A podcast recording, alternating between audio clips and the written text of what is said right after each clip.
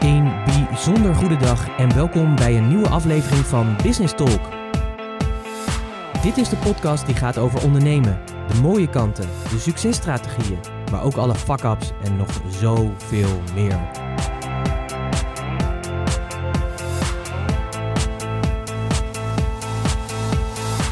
Mijn naam is Pieter Hensen, ik ben de gastheer van deze podcast en in het dagelijks leven ben ik raadgever voor leiders die impact willen maken.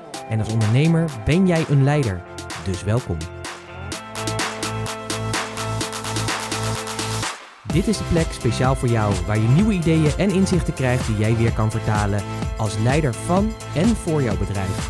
Een moment om dieper door te denken en een plek met real talk. Alles met als doel dat je meer impact hebt. Dus let's talk business. Een bijzonder goede dag en superleuk en fijn dat je weer luistert naar een nieuwe aflevering van Business Talk. Als je dit luistert hoop ik natuurlijk dat het goed met je gaat, dat het zakelijk voor de wind gaat en dat het ook persoonlijk eh, voor de wind eh, met je gaat. En deze keer in deze podcast wil ik het eigenlijk, uh, ja, wil ik eigenlijk wel persoonlijke dingen met je delen. Ik zeg ook altijd in het begin van uh, deze tune van, de, van de, de leader, of ik weet niet zo goed hoe dat altijd technisch heet, maar in ieder geval de begintune van de podcast. Een uh, podcast about real talk, about het ondernemen. En ik vind het fijn om dat ook gewoon met je te delen, want er zijn natuurlijk altijd heel veel highs in het ondernemen. En als je zeg maar kijkt naar het ondernemen zelf, dan ja, weet je, um, dan zijn er best wel veel taboes eigenlijk, vind ik wel. Uh, het gaat altijd goed. Uh, business moet altijd goed lopen.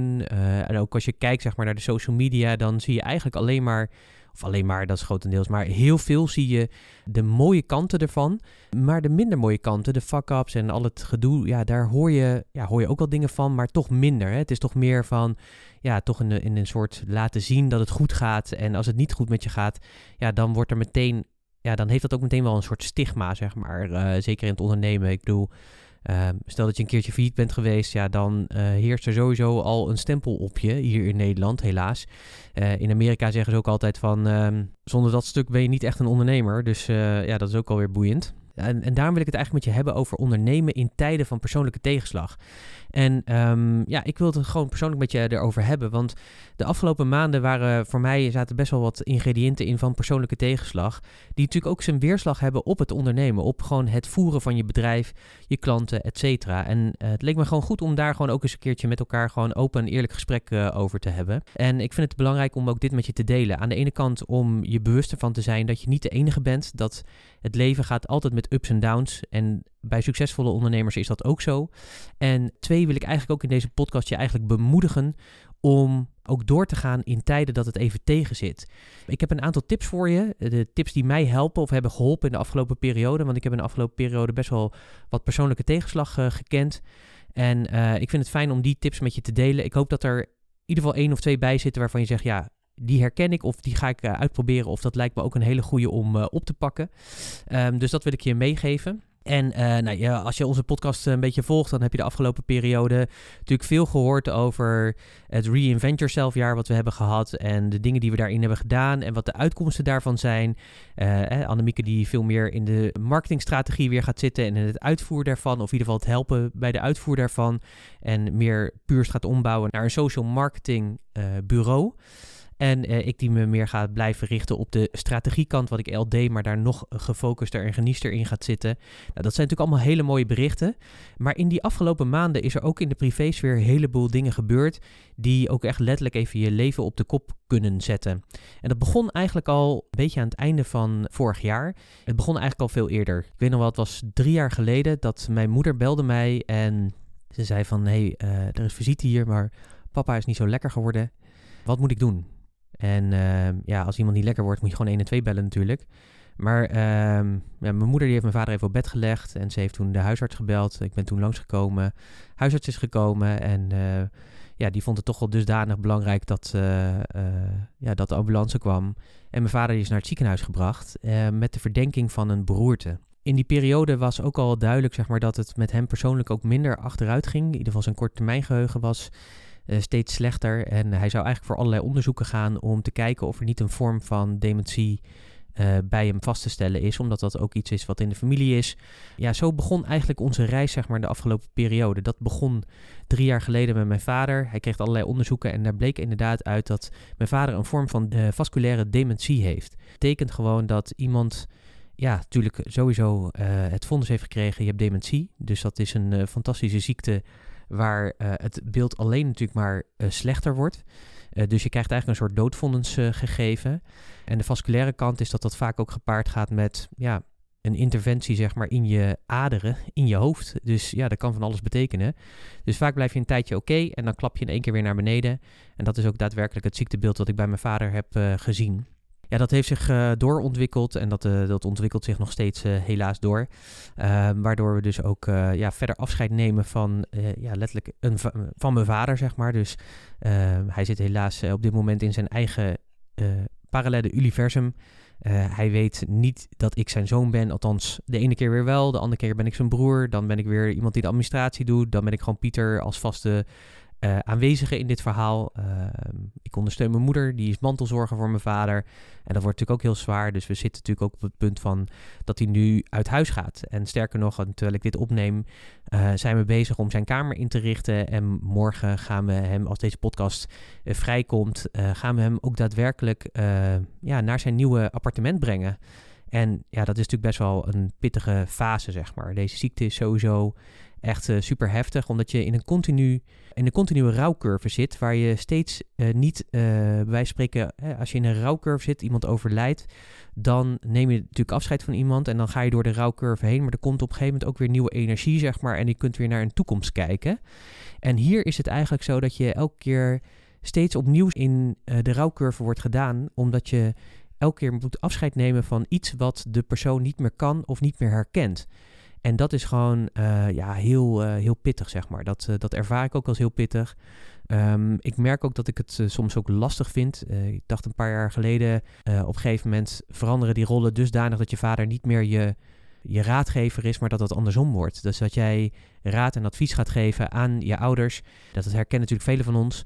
Hè, die, die rollen die, die veranderen ook en tegelijkertijd ben je ook kind.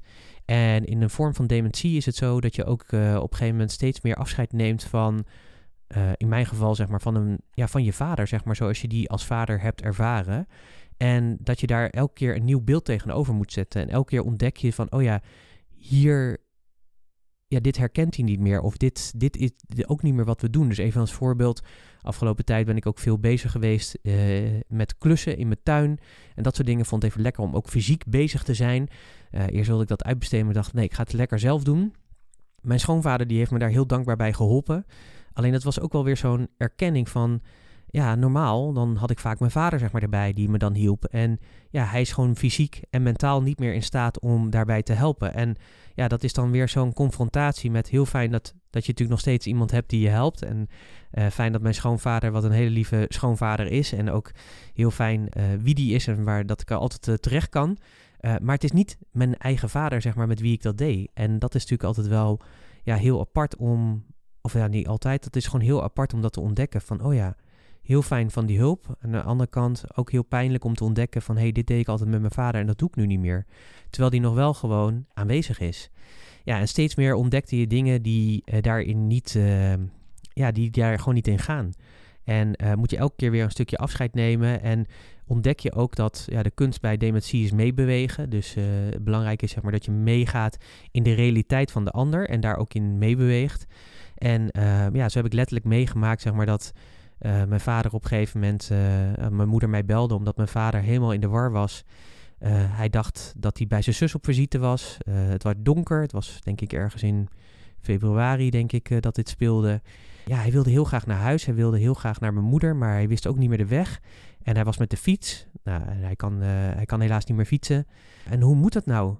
want uh, ja, mijn moeder, uh, zijn vrouw, dan moet je natuurlijk bedenken, dan staat hij dus naast mijn moeder, wat dan zijn zus is op dat moment, staat hij mij te bellen op het feit dat hij het heel erg last van heeft dat zijn vrouw, Ineke, die dus naast hem staat, niet geïnformeerd is over het feit dat hij niet naar huis kan komen en hoe dat nou moet. En wat we toen letterlijk hebben gedaan is, ehm, we weet ook niet hoe het bij me opkwam, maar dat was gewoon een ingeving in het kader van meebewegen. Dus ik gezegd, nou pa, weet je, ik uh, kom eraan, ik kom je ophalen. Ik zal mama bellen en zeggen dat je nog even bij je zus bent. En ik kom je ophalen, we doen een kop koffie nog even bij je zus. Dan neem ik je mee en dan breng ik je weer veilig thuis. Nou, het fijne daarvan is, is dat het bij hem heel veel, want het gaat heel vaak ook over onrust en controle en ja, dat niet meer recht kunnen breien, omdat dat uh, denkbrein, hè, de neocortex, die, die functioneert gewoon uh, niet meer. Uh, of steeds slechter eigenlijk. Dat is wat er gebeurt. Het mooie is, ik ben daadwerkelijk naar mijn moeder gereden. Nou, die woont 10 minuten van mij vandaan. Heb een kop koffie met mijn vader gedronken. We hebben afscheid genomen. We hebben zijn tas gepakt.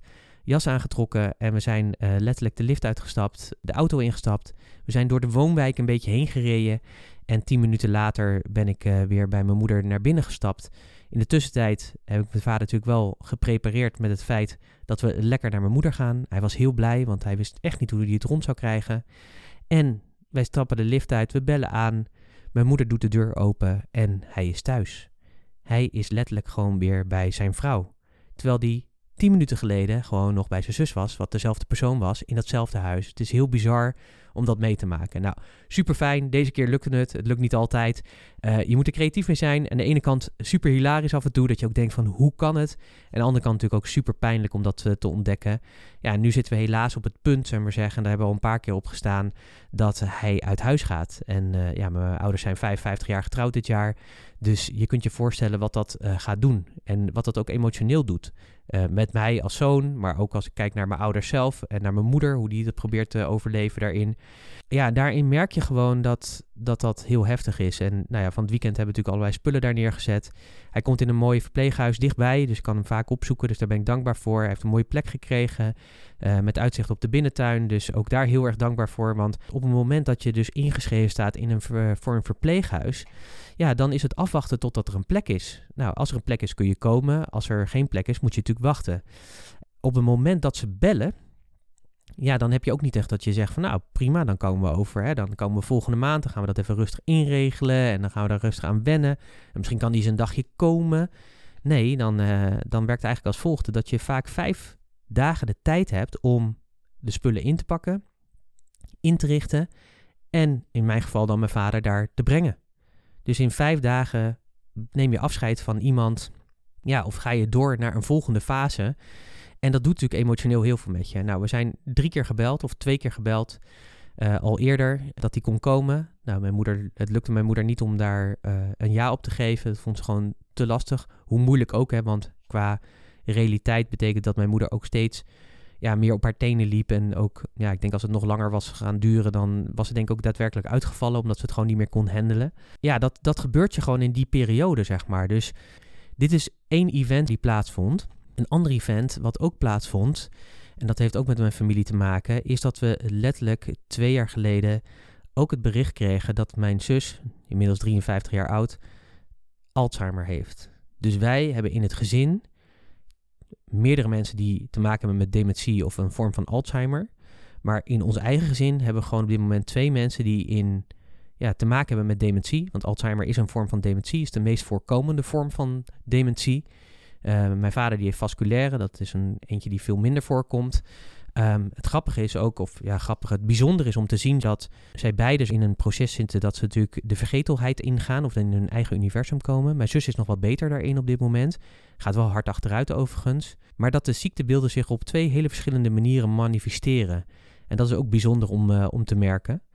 Um, maar wij kregen dus uh, twee jaar geleden dat bericht, in september te, twee jaar geleden. Mijn zus die was al een tijdje uh, burn-out thuis. En ik dacht om heel eerlijk te zijn persoonlijk van, ja, het is eigenlijk een verwaarloosde burn-out die gewoon niet beter wordt. Het zou goed zijn als ze denk ik gewoon een periode opgenomen wordt, een intensieve behandeling en dan kan ze daarna aan herstel gaan werken. Maar dit is precies het klassieke beeld wat uh, bij jong dementerende is. Is dat het vaak als begint als burn-out. Althans, het is niet een burn-out. Het is dan natuurlijk al het ziekteproces wat gaande is. Alleen het wordt niet herkend. Uh, en uh, ja, na anderhalf jaar tijd, twee jaar tijd, werd toch al duidelijk van... hé, hey, die burn-out die wordt niet beter. En vaak als natuurlijk een burn-out geconstateerd wordt... dan ga je natuurlijk aan de slag. Dat deed mijn zus natuurlijk ook, met een psycholoog, et cetera. Alleen mijn zus die merkte dat ze niet vooruit ging... maar eigenlijk steeds meer achteruit. En dat was ook de reden om op een gegeven moment vervolgonderzoek te doen... En uit het vervolgonderzoek bleek helaas dat zij de ziekte van Alzheimer heeft. En dat was ook een harde klap om natuurlijk te verwerken, want ja, ze was toen 51, dus kan je nagaan. Weet je, drie jonge kinderen, woont alleen, gescheiden. Ja, hoe gaat dat allemaal in hemelsnaam? Weet je, ehm, dus we zijn een proces ingegaan met heel veel hulp. En uh, een zus die steeds verder achteruit ging. Ze had een eigen bedrijf, moest ze afscheid van nemen. Ja, man, weet je, hoe gaat dat? Dus uiteindelijk in december van afgelopen jaar werd op een gegeven moment duidelijk dat alle hulp die ze heeft, dat die aan de max zit. Elke dag was er iemand die met haar kookte. Ze ging twee dagen naar een zorgboerderij bij haar in de buurt. Maar ja, het proces stopt natuurlijk niet. Dus ze kan steeds minder zelf en steeds minder dingen van bewust. Dus in haar geval betekende het, en dat was ook de reden om te zeggen: het wordt tijd dat ze ook echt daadwerkelijk begeleid gaat wonen en naar een verpleeghuis gaat voor jong dementerende. Uh, was het moment zeg maar dat ze niet meer haar telefoon kon bedienen. Dat ze niet meer wist hoe ze iemand moest bellen. En dat betekent in haar geval, omdat ze alleen is, dat ze dus ook als er s'nachts wat zou gebeuren, niet meer in staat is om hulp in te roepen. Ja, en dat maar voor de, ja, iedereen eromheen, maar met name ook de zorgprofessionals die eromheen stonden, zeiden van ja, maar nu wordt het dan tijd dat ze op een plek komt. Ja, waar ze thuis hoort. Dus eind december wisten we al dat dat ging gebeuren. Heel draaiboek daarvoor. Half januari is haar verteld, joh, over tien dagen ga je naar dat verpleeghuis toe. Nou ja, dat is natuurlijk ook een hele pijnlijke, want zij is in de situatie in vergelijking met mijn vader die morgen gaat. Uh, mijn vader leeft al in zijn eigen universum. Mijn zus, uh, was heel erg bewust van het feit dat ze uit haar veilige omgeving ging naar een afdeling, wel met jong dementerende, dat is fijn, maar wel dat je weet van ja, dit is een plek, daar wil ik eigenlijk helemaal niet zijn. En eigenlijk toen ze daar ook naartoe ging, kwamen we ook tot de conclusie van ja, weet je, als je daar komt en we gingen de kamer inrichten, dan uh, word je natuurlijk ook geconfronteerd met de dertien andere bewoners die daar wonen, die al veel verder in het ziekteproces zijn. Sommigen zijn gelijk, maar heel veel waren ook al een stuk verder in het proces. En dat is natuurlijk heel heftig om te zien dat je weet van ja, hier ga je naartoe. En ook voor mijn zus, dat ze daar moet zijn. Dat kon ook echt niet anders, zeg maar. Dat was ook echt nodig. Maar tegelijkertijd wordt ze natuurlijk dagelijks geconfronteerd met haar toekomst, haar toekomstbeeld.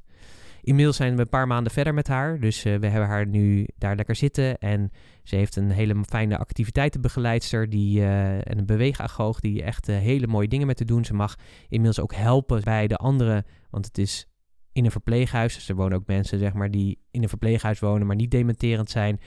Bij de sportactiviteiten. En dat geeft haar een vorm van eigenwaarde. En dat doet haar heel erg goed. Maar ja, je kunt je natuurlijk bedenken dat in die periode van januari, begin januari, dus begon, voor ons begon 2022 echt, echt gewoon niet tof. En de wetenschap dat we op een gegeven moment mijn vader ook gingen inschrijven voor een verpleeghuis. En ook in die periode ja, ben je daarmee bezig. Continu de mantelzorg. Mijn vader ging ook verder achteruit. Dus je bent continu bezig, maar aan het zorgen. Tegelijkertijd, je hebt uh, kinderen. Uh, mijn nichtjes en neef zijn tussen de 22 en 28 jaar oud. Starten net hun eigen leven en moeten dan hun moeder naar een verpleeghuis brengen. Of gaan hun moeder naar een verpleeghuis brengen. Ja, weet je, iedereen loopt daar met zijn eigen emoties doorheen. En ik dacht wel van, nou weet je, dat gaan we wel even regelen. Of in ieder geval, ik blijf wel overeind. Maar je bent natuurlijk ook mens, weet je. Het is uh, ook mijn zus, het is ook mijn vader. Dus het doet heel erg uh, veel. Dus dat, uh, dat is allemaal wat er gebeurde. Dus dat even in de context van wat er aan de hand is. Daarnaast was er ook in januari, februari, ik was een samenwerking begonnen met iemand. wij zouden mooie plannen maken voor de toekomst. En toch hebben wij ook besloten, ja, dat liep al een beetje eind december, begin januari, dat we die samenwerking niet moesten voortzetten. Um, terwijl we een jaar eerder echt hele duidelijke plannen hadden over de toekomst en wat we daarin wilden. En in het gebeuren van het samenwerken ontdekten we eigenlijk van nee, we hebben toch onze eigen plannen te doen. Dus we zijn wel goed uit elkaar gegaan, maar dat kwam er ook nog bij. Dus, dus er was gewoon een hele opeenstapeling van events, zowel privé als, uh, zakelijk. Uh, waar je uh, in een emotionele rollercoaster komt. En tegelijkertijd heb je natuurlijk ook gewoon je business. Want daar gaat natuurlijk deze podcast ook over. Dat dit is wat mij overkomt. Uh, ik heb hiermee te dealen. Uh, op allerlei niveaus gebeuren daar aan, uh, dingen in. Er, er, is veel zorg nodig. Dus ik ben veel bij mijn ouders om ze te helpen in de praktische zin. Af en toe is er een luisterend oor nodig. er is wat extra aandacht nodig. Mijn moeder die heeft aandacht nodig. Uh, moet ook geactiveerd worden om haar dingen op te pakken met een psycholoog, et cetera. Er is een zorgboerderij waar mensen heen gaan, uh, af en toe gebracht en gehaald moeten worden. Weet je, zo is er continu een vorm van zorg nodig. En tegelijkertijd heb je natuurlijk ook een business die doorgaat, die ook aandacht vraagt. En dat merk je ook op het moment, zeg maar, dat je dat met dit soort persoonlijke dingen geraakt worden, dan merk je ook dat wat je aandacht geeft, dat groeit natuurlijk ook. Dus wat ik ook zag gebeuren, is dat ook de aandacht in de business ja, het risico daarvan is dat dat gewoon uh, minder werd. En uh, dat wil je natuurlijk niet, want we waren net juist bezig zeg maar, met de reinvent yourself. En we hadden juist ja, de, de, de, de focus voor de komende tien jaar weer, uh, weer vormgegeven. En dan wil je natuurlijk daar vol energie in. Maar die energie is er gewoon even niet. Omdat je letterlijk ook in een soort overlevingsstand bent. Omdat je ook hier in de praktische vorm, maar ook in de emotionele vorm, telkens weer wordt geconfronteerd ja, in dat rouwproces waarin je zit. Want dat is het gewoon letterlijk. Um, met alles wat erbij komt. En we gaan natuurlijk nu weer een fase in, zeg maar. Want aan de ene kant geeft het natuurlijk vrijheid dat we weten dat ik mijn vader daarheen breng. En dat hij daar straks uh, zijn plek krijgt. En ik hoop dat hij gewoon uh, snel zich thuis voelt. Tegelijkertijd heb ik natuurlijk ook een moeder, zeg maar, die ook weer moet leren na 55 jaar samen om een eigen leven op te pakken. En gelukkig is mijn moeder een hele sterke vrouw. En zal ze dat ook zeker gaan doen. Maar daar zal ze ook nog wat begeleiding bij nodig hebben. Niet alleen van mij, maar ook van anderen. Um, dus er komt ook wel weer een vorm van vrijheid terug. Maar tegelijkertijd is dit ook gewoon, uh, gewoon de realiteit waar je mee te dealen hebt. Uh, dan is het dus ook belangrijk dat je, als je een eigen business hebt.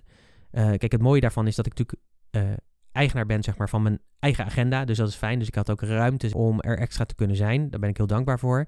Maar tegelijkertijd was het ook soms wel eens een beetje ja, jong leren met de afspraken die je hebt. Zoek naar nieuwe klanten, nieuwe klanten binnenhalen. Ik merkte ook wel dat in de afgelopen paar maanden zijn ook een paar trajecten niet doorgegaan. En ik denk dat dat gewoon hiermee te maken heeft dat je niet 100% in de game zit, zeg maar, om dat uh, te kunnen doen. En soms is dat gewoon zo. Weet je, dit is ook leven. Kijk, iedereen, dit is mijn verhaal, maar waarschijnlijk heb jij je eigen verhaal. Hoe meer mensen ik ook spreek, iedereen heeft gewoon zijn eigen kruis, zeg maar, die die draagt. Hè. Elk huisje heeft zijn eigen kruisje, zegt het spreekwoord natuurlijk ook. En dat is ook zo. Ik wil je wel een aantal dingen meegeven die mij ja, wat mijn inzichten zijn zeg maar, vanuit deze periode. En wat mij ook heeft geholpen om ook hierin ja, mijn focus te houden en door te kunnen gaan. Ook in tijden dat dat misschien even wat minder voelde. Uh, dat begon voor mij natuurlijk ook gewoon om de hele situatie gewoon serieus te nemen. En ook je eigen gevoel hierin serieus te nemen. Het risico is natuurlijk ook in als dit soort live events gebeuren. En eh, dit zijn ze voor mij, maar voor jou is misschien een hele andere. Dan kan het gewoon zijn dat je gaat rennen. En dat je jezelf eventjes voorbij loopt. Door niet te voelen wat het daadwerkelijk ook met je doet. Dus ik denk dat het ook belangrijk is om regelmatig even afstand te nemen. En echt even te doorvoelen. Uh, ik heb dat op verschillende manieren gedaan. Door soms gewoon letterlijk gewoon eventjes apart te gaan zitten, wat dingen op te schrijven en gewoon te voelen waar voel ik het in mijn lichaam. Wat mij ook altijd hielp was een heerlijke boswandeling doen. Dat geeft ook altijd natuur, doet voor mij in ieder geval heel, heel veel goed. Dus ik hoop dat dat voor jou ook zo is. Of misschien heb je wel andere uh, plekken. Misschien is voor jou meer sporten wel een uh, goed moment om even te reflecteren op waar je mee bezig bent. Wat het ook voor je is. Maar in ieder geval dat je wel het serieus neemt. En dat je ook um, ja, mag voelen wat het voor je doet. En ja, dat je daar ook aandacht aan geeft. Hè? Dus je hoeft er niet helemaal in weg te zakken, maar het is ook goed om het wel even uh, ja, zijn plek te geven. En ook even als het aandient, ook even die aandacht en die emotie. Dus soms moet je gewoon eens even gewoon die traan laten, omdat het gewoon daarom vraagt. En uh, doe dat dan ook, want dat helpt je ook sneller door het proces heen te komen. Wat voor mij altijd een belangrijke is, en zo sta ik ook in het leven, heb ik hard voor gewerkt, maar is wel altijd kijken naar de lichtpuntjes. Dus er zijn in deze situatie zijn natuurlijk ook heel veel lichtpunten te benoemen. Uh, ik denk bijvoorbeeld aan het feit dat uh, toen uh, we vorige week hoorden dat mijn vader naar het verpleeghuis gaat, of in ieder geval dat er een appartement, zoals ze dat mooi zeggen, voor hem vrij is, dan weet je nog niet waar die komt. Dat weet je gewoon nog niet. Ja, we weten wel natuurlijk het huis, maar we weten nog niet welke kamer. En wat ik mooi vond en waar ik heel erg dankbaar voor ben, en dat is dan zo'n lichtpuntje, is dat hij heerlijk aan het einde van de gang zit. Dus dat betekent dat hij uh, vrij rustig zit. Dus de rest van de bewoners op de gang, als daar veel tumult is, wat best wel in zo'n tehuis kan voorkomen, dan heeft hij daar minder last van. En wat fijne is, er waren zeg maar appartementen die kijken op een, een parkeerplaats en die kijken op de binnentuin. En hij heeft een heel mooi appartementje gekregen die uitkijkt op de binnentuin ja, dat kunnen we van tevoren niet bedenken. En dat gebeurt er je dan gewoon. En dat zijn natuurlijk dan ook de lichtpunten die er zijn. Dus zoek ook altijd in de shit, zeg maar, naar de lichtpunten. Want die zijn er. En hou je daar ook aan vast. Focus je daar ook op. Wees elke keer ook heel erg dankbaar voor die lichtpunten dat ze er zijn. Het heeft mij echt heel erg geholpen in de afgelopen maanden om door deze periode heen te komen met alles wat er speelde. Met die samenwerking die niet doorging. Met een zus die in januari naar een verpleeghuis ging. En met een vader die nu gaat. En alles wat daartussenin heeft gespeeld en plaats heeft gevonden. Om wel te kijken naar wat zijn die lichtpuntjes. En dat kan in heel veel verschillende dingen zitten. Dat kan soms in een kaartje zitten van iemand, in een berichtje. Soms even je verhaal kwijt kunnen bij iemand. Maar vaak zijn het dit soort dingen waarvan je denkt van, oh wat wauw, zeg maar. Zoals voor mijn vader ook, dat hij zo'n mooie plek krijgt. En ja, daar ben ik heel erg dankbaar voor.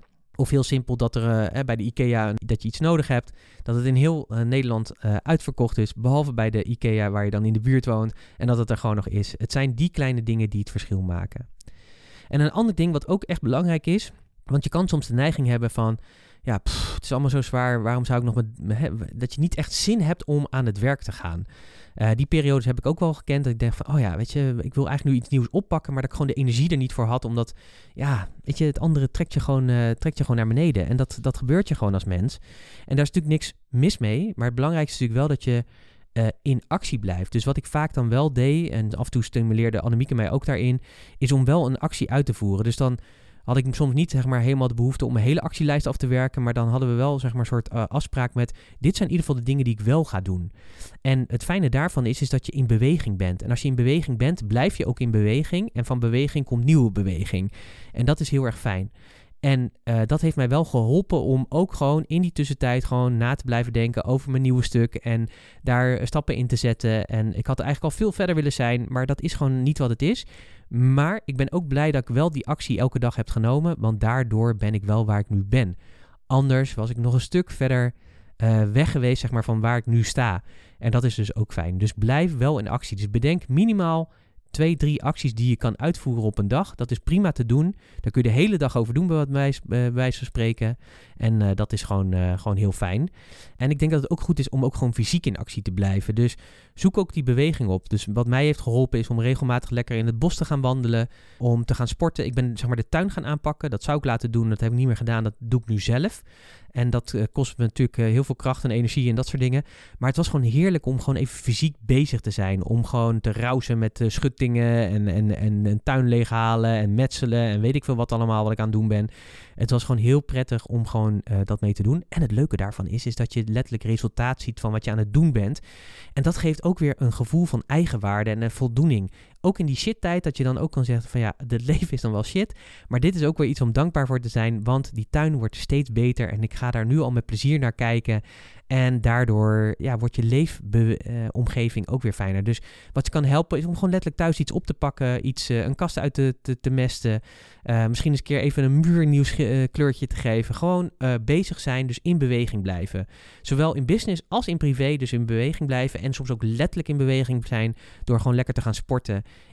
En gewoon je lichaam gewoon dat te geven wat uh, nodig is. Voor mij bijvoorbeeld wat ik heb gedaan is ook om uh, gewoon goed voor jezelf te zorgen. Is bijvoorbeeld dat ik uh, bij ons op de sportschool hebben ze ook een heerlijke mogelijkheid om je te laten masseren.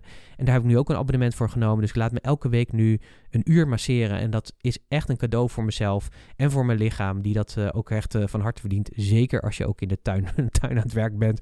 Want je snapt natuurlijk met een kantoorbaan waar je continu zit of staat. maar niet die fysieke arbeid doet. Dat dat lichaam. Uh, ja, uh, ik merkte ook, ik kreeg op een gegeven moment ook pijnen in allerlei gewrichten. waarvan ik niet eens wist dat ik ze had. Uh, gewoon vanwege het feit dat je het aan het doen bent. Um, dus blijf dus lekker in beweging, zou ik zeggen. En wat ook een hele belangrijke is, deel alsjeblieft gewoon je leed uh, ook uh, waar je in zit met mensen die je vertrouwt. Dus vrienden, uh, maar ook collega's. Um, ik, ik heb ook wel met een aantal klanten waar ik gewoon een goede verhouding mee heb. Dat ik gewoon ook vertel waar ik mee bezig ben of wat me bezig hield of waar we mee bezig zijn, zeg maar, in het gezin. mensen vragen natuurlijk altijd, hey, hoe gaat het? De neiging is natuurlijk altijd om te zeggen, goed. Dus vaak zei ik dan ook, ja, persoonlijk gaat het wel goed. Alleen we hebben in ons gezin wel even wat zware tijden. En dan kon ik erover vertellen. En dat was heel erg fijn, want dan kreeg je vaak ook hele mooie gesprekken. Je krijgt ook diepgang met anderen. En dat is ook heel waardevol. Uh, ja, ik weet niet. Het is een andere connectie die je weer krijgt. Dus ik heb heel erg de verdieping ook ervaren met een aantal van mijn één op één klanten. Met wie ik dit ook deelde. En uh, ja, ook hele mooie gesprekken gehad over ja, ouders, ouder worden. Uh, als dit je overkomt, iedereen wat ik zei, zeg maar, iedereen heeft zo wel zijn eigen verhaal. En dat was ook heel waardevol om te doen. Dus ga dat echt delen. Uh, doe dat bewust. Het risico is, althans laat ik zeggen, voor in ieder geval voor mezelf spreek, voor mij was het risico dat omdat je in die red race zit van continue uh, hulp verlenen, je business en dat soort dingen, is dat je dat ook vergeet om te doen. Dus ik heb op een gegeven moment ook letterlijk gewoon twee van mijn beste vrienden opgebeld en gezegd, hey, dit speelt er nu gewoon op dit moment. Zo zit ik er op dit moment even in. Dat je het even weet en dan konden zij ook aangeven, maar wat heb je dan nodig? En wat ik nodig had is dat zij, hoefde echt niet elke dag te bellen of wat dan ook, maar dat ze af en toe eens eventjes een berichtje sturen met, hey Piet, hoe gaat het? En dat was gewoon heel waardevol uh, voor mij. Dus, um, en zorg ja, dat je gewoon regelmatig ik heb het met Annemieke natuurlijk veel over gehad, maar ook ja, zorg dat je het deelt. En ik heb het ook letterlijk gewoon met een therapeut, ben ik er nu ook nu mee bezig, al een tijdje zeg maar. om ook hier handen en voeten aan te geven. Omdat ik ook merkte van het doet me veel, ook in mijn identiteit. Uh, het raakt me zeg maar op meerdere vlakken, op meerdere niveaus. Dus het was ook goed om dat ook op te pakken. En ja, ik heb daar heel veel van geleerd. Heel veel geleerd over familiesystemen, et cetera. En dat geeft mij de tools en de handvatten om daadwerkelijk ook hier goed mee om te gaan en ook weer verder te kunnen. En het verrijkt mij ook als mens, want ik kan ook zeg maar deze ervaring gewoon letterlijk weer gebruiken in mijn raadgeverschap, in mijn business. Uh, anderen verder helpen om natuurlijk te zorgen dat hun bedrijven groeien en de strategieën die daarbij horen. En bij strategie gaat het altijd over laveren. Uh, is altijd zeg maar bijstellen van koers en dergelijke. En dan is het ook heel waardevol dat je ook die wendbaarheid ook zelf als ondernemer ervaart en hebt. En tot slot, en uh, dat wil ik je echt meegeven, heb vertrouwen, want ook dit gaat weer over. Ook dit gaat gewoon weer over. Zo simpel is het. We gaan natuurlijk nu met mijn vader een nieuwe fase in. Met mijn zus, die gaat ook hard achteruit. Dus de vraag is hoe het daarmee gaat. Weet je, uh, maar ook dat komt weer goed alles heeft zo zijn tijd en alles gaat ook weer over. En dat is letterlijk zo. Kijk maar naar waar we nu in zitten. Uh, we zitten nu in een periode van inflatie, uh, oorlog, uh, crisissen. we weten inmiddels, zeg maar, uit historisch perspectief dat dit allemaal letterlijk golfbewegingen zijn waarin we zitten. Dit zal nog een aantal jaar waarschijnlijk duren en daarna klimmen we er gewoon weer uit. Dus ook dit zal overgaan, zeg maar. Dus kijk naar de corona, het is niet weg, maar ook dat is weer over en hebben daar een bepaalde vorm in gevonden om met elkaar te kunnen functioneren. Dus ook dit is het. Dus heb ook dat vertrouwen. Zorg dat je ook dat vertrouwen uh, hebt en dat kun je doen door elke dag je bewust te zijn van die lichtpuntjes en die dankbaarheid daarvoor uit te spreken. Ik doe het elke dag voordat ik ga slapen. Echt letterlijk gewoon uitspreken waar ik dankbaar voor ben voor deze dag. En soms was het een hele zware dag en een donkere dag. Letterlijk omdat het buiten ook donker was. En dat ja, helpt voor mij niet altijd uh, eraan bij. Um, maar er zijn altijd die lichtpuntjes. En weet dus ook, ik weet niet hoe het bij jou zit, maar ook als ik terugkijk in mijn ondernemerschap. Ik ben nu 12,5 jaar uh, bezig uh, met mijn eigen bedrijf. En dan zie ik ook gewoon, ja, daar zijn natuurlijk ook ups en downs in. Maar er is altijd, altijd is het goed gekomen. Dat is de reden dat ik er nog steeds ben en dat we ook gewoon nog lekker doorgaan de toekomst in. Het komt altijd weer goed. Dus heb ook dat vertrouwen. Maak je niet te veel zorgen. We zijn hele goede scenario-denkers, vooral doemscenario-denkers. Maar geef die niet zoveel de ruimte. Natuurlijk mag je je emotie voelen. Voel die ook gewoon, doorleef die ook eventjes. En daarna mag je daar ook weer afscheid van nemen. In die zin dat die emotie niet de realiteit is van waar je in zit. Je bent bewust van de emotie, je bent bewust van de shit waar je in zit. Een soort awareness heb je, een bewustzijn. Uh, maar jij bent het niet. Jij bent niet, hè, ik ben niet de dementie van mijn vader. Ik ben niet de mantelzorger van mijn moeder. Uh, dat ben ik allemaal niet. Ik ben me er bewust van. Uh, ik kan er een rol in spelen. Dat is precies wat het is. Uh, maar zorg dat je niet je gaat identificeren met daadwerkelijk deze situatie. Maar dat je daar bewust van bent. Dat je na kan denken over hoe je ermee omgaat. Wat je erin wil en wat je er niet in wil. En de ene keer zal dat goed gaan en de andere keer zal dat minder goed gaan. Maar je kunt dus elke dag daarin weer opnieuw beginnen. En dat wil ik je ook van harte meegeven. Dat je dat ook doet. Begin elke dag gewoon letterlijk weer opnieuw met een schoon blad. Zoals je eigenlijk elke dag opnieuw begint. En weet dat de dag ja, je, kan linksom of kan rechtsom. Het heeft ook te maken met hoe wil je er naar kijken. Dus zorg in ieder geval ervoor dat je het A, wel serieus neemt, maar tegelijkertijd ook gewoon weet, het gaat over, heb vertrouwen, kijk naar die lichtpuntjes, zorg goed voor jezelf, blijf in beweging, kies af en toe wat meer voor jezelf, net zoals ik heb gedaan bijvoorbeeld met die massage, heel fijn. En op die manier ga je ook door deze periode heen komen. En ik merk al dat het feit zeg maar, dat we mijn vader morgen naar een verpleeghuis gaan brengen, dat we letterlijk gewoon weer in een nieuwe fase komen. Wat ook meer weer vrijheid gaat geven om ja, ook weer in, het in mijn onderneming, zeg maar, weer andere stappen te kunnen gaan zetten. De stappen waar ik naartoe wil, waar we mee bezig waren in het Reinvent Yourself jaar. En tegelijkertijd merkte ik ook van, ja, er was nog een aantal dingen, ja, die komen op je pad. Daar heb je mee te dealen. Het heeft me ook heel veel mooie inzichten gegeven die ik nu weer kan gebruiken. Dus ik ben er ook nu pas weer aan toe om weer, ja, full energy, zeg maar, erop in te gaan. En weer de toekomst in te gaan. En daar heb ik heel veel zin in. Daar zie ik heel erg naar uit. Dus de komende tijd ga ik je nog lekker blijven motiveren en inspireren met uh, deze podcast. En uh, voor nu wil ik je heel erg zeggen, dankjewel dat je mijn persoonlijke verhaal hebt aangehoord. Ik hoop dat je... Ja, dat, dat het waardevol voor je is en dat je er dingen uithaalt die jij ook her, zult herkennen. We, we zitten allemaal, uh, soms zit je op je high. Ik zit nu de afgelopen periode wat in een low. Maar dat neemt niet weg dat je daarin ook altijd weer naar die high toe kan werken. We gaan allemaal door die curves heen. Elke keer, elke keer als je een keuze maakt, ga je toch door een soort rouwcurve heen. En uh, kom je daar altijd met meer energie weer uit en de lessen die je daaruit leert. En dat wil ik je graag meegeven. Ik hoop dat er in ieder geval een les bij zit waarvan jij denkt, yes, weet je, hier, dat is zo waardevol voor mij, hier kan ik verder mee. En uh, ja, mocht je anderen kennen die ook echt uh, deze podcast moeten luisteren, omdat je weet dat ze in een vergelijkbare situatie zitten, please send hem dan alsjeblieft door. Uh, hartelijk dankjewel. Met elkaar maken we het en kun je elkaar ook echt verder helpen. En op deze manier doen we dat dus ook. En uh, als je het tof vindt zeg maar, om een review te schrijven of um, te delen via je social media, dan dank je wel daarvoor. Daar ben ik heel erg dankbaar voor. En dan rest mij niets meer te zeggen dan jou een fantastisch fijne dag te wensen. En dan spreek ik je heel graag weer bij een volgende aflevering van Business Day.